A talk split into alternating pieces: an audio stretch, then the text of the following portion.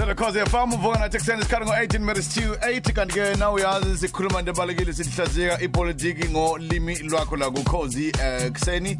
Eh uvuka nathi wenze kahle uvuka nathi awulenzanga iphutha ukhona umvuka mtaka mvuka mtaka masibingelele ekuseni kukhozi FM sibingelela bendlovu enamandla sotobo enhla nasezantsi. Eh kanti ngibuke ngibuke kwiphepha la izolo eh la uthi khona iqembu neqembu lakhela ngamaqhubu elinye kwipolitiki. Eh moqhubeka phambili uqinisa ukuthi eh usaphinda namanje njengoba ngike wake washo ukuthi phambilini eh kwipolitiki umdlalo and umdlalo oyingozi eh mongena kuwona wepolitiki mfoka mntaka sotobo njengoba usho nje ipolitiki akuwona umdlalo weyimfunda makhwela mhm. Futhi akuwona umdlalo wabantu abanenhliziyo esheshime ngoba bayofa labo bantu. Noma liyofa lelo qembu. Mm. kwapolitiki sotobo kufuneka samukele ukuthi iqembu neqembu lakhela ngamaquba elinye. Ukwakhela ngamaquba ke elinye iqembu kusho ukuthi uma kuneqembu lika- lakwasibiya lepolitiki neqembu lakwamntaka amaphutha enziwa iqembu lakwasibiya ukungabi nemali mhlambe iqembu lakwasibiya e- elisesimene sokungabi nemali kusho ukuthi iqembu lakwamntaka lizophakama. Ingakho sibone eningizimu Afrika njengoba kade kunokhetho nje kukhona amaqembu achuthekile ngoba kufuneka kube khona amanye asukumayo. Mm. isibonelo nje iqembu leCope lakhele ngamaquba eqembu leANC usuke egameni lokuthi COPE Congress of the People umlando weANC loyo. Hmm. yakha iCope yathola abantu abayivotelayo inabaholi kumanje COPE siyabona futhi neDA yakhele ngamaquba kaPatricia Dilile Western Cape ngoba bebengeke bayithola ivoti lamakhaladi. Mhm kuba bebengenawo Patricia Dilile bakhele ngamaquba omunye. Hmm. iphindile futhi DA yathola ukwesekwa yakhela ngamaquba okungamaphutha eqembu leANC mhm ngoba ukuba iANC bingenayo amaphutha iDA bingeke iqhubha umkhankaso ethi singcono thina kunoANC sure. Yakhele ngamaquba kaANC lapha kwaZulu Natal kakhulukazi iNFP yakhele ngamaquba enkatha. Mhm ngakho ke engikushoyo sodobo ukuthi abalandeli namaqembu nabaholi bawo fune bakuqonde ukuthi kwapolitiki iqembu neqembu lakhela ngamaqubenye ukhuphuka ngomlando womunye ngamaphutha omunye kuze wenze owakho umlando. Akuyona into eyihlazo leyo kwapolitiki mhlawumbe kwezinye indawo masontweni kulihlazo kodwa la kwapolitiki iyona impilo yakhona nje sotobo kufuneke sonke siyamukele. Okwenza ukuthi uma useqembini lakho qinisekisa ukuthi uma kuneyinkinga usheshe uyilungise ngoba umuke wayidedela kwanesikhathi eside bazongena abanye bakuchuthe Ngicela ukubuza kunembuzo emibili eh mntaka ngicabanga ukuthi abalali bokhoze FM bengathanda ukuthi ngikubuze wona.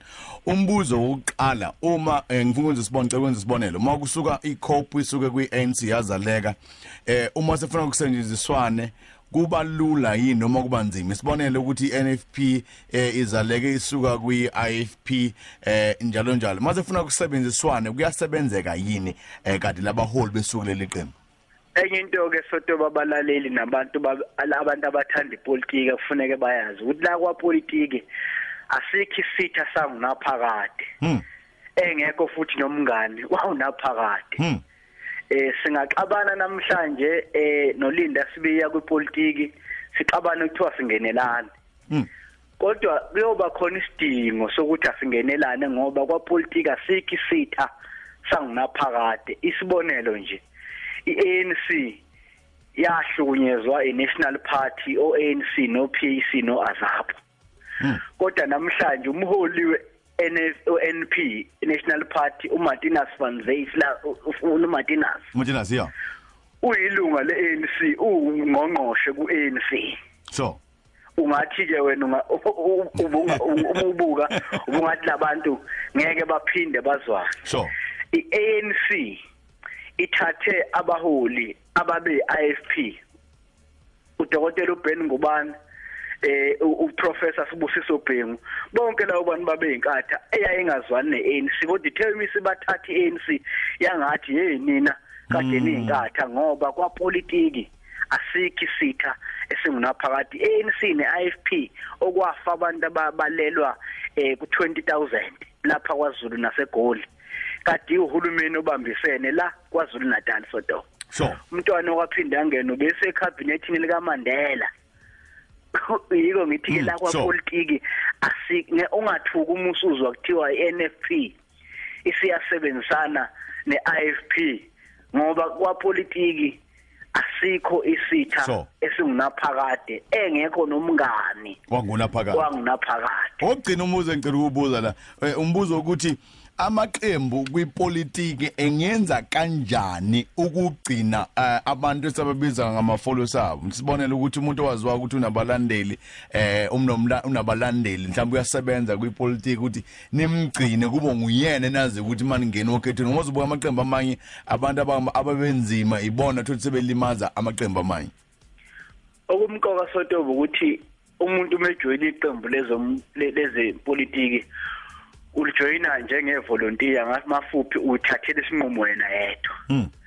kulukhuniki ukwazi ukuthi usotobo njobe ngena eqembini lakwamntaka nje uzofunani bakhona bangena ngoba bezocosha iphalishi eh lithi uma sekuthiwa lisekho bese funa abanye ukuthi awu sengalicosha ngaphi iphalishi asikuvume lokho ukuthi sesi sesiphila kwipolitiki yephalishi eh njoba kade kungenela ukhetho nje lohulumeni basekhaya iningi labantu belinolaka. Ungacabanga ukuthi ulaka wena lemigomo yepolitiki cha kuhlangene nalokho. Umuntu ubuka ukuthi izingane zakhe njengoba sefakwe nasesikoleni isazoqhubeka yini? Okokuqala lokho ngiyiko ngithi amaqembu anencindezi yokuthi awakwazi ukubagcina abantu bawo ngoba abanye basuke bengezele yona imigomo. Uyabona kuqala kwakungcono. Wawuthi umuntu ujoyina umbusazwe sotobo wazi ukuthi eh u- ukuhola okukhulu ongakuhola ukufa.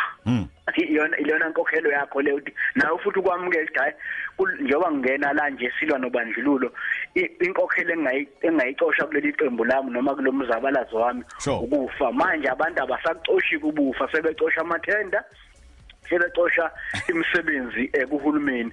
Ngeke ke u- uwagxeka amaqembu ukuthi angababamba kanjani. Sure. abasabambeki sengamanzi abantu kodwa ke akhona namaphutha enziwa ngamaqembu. Okay for amaqembu wonke kufuneka soto baqinisekise ukuthi anenhlelo ezibhekelela yonke imikhakha ngaphakathi eqembini eqembini khona abantu abadala ukhona intsha khona besifazane khona abafundile khona abangafundile khona abahlwempu khona abayizigwili. Amaqembu awabe nenhlelo ezikwazi ukuba ukubalungisa bonke. For mntaka sabothi bena Dixon ku Cause FM soto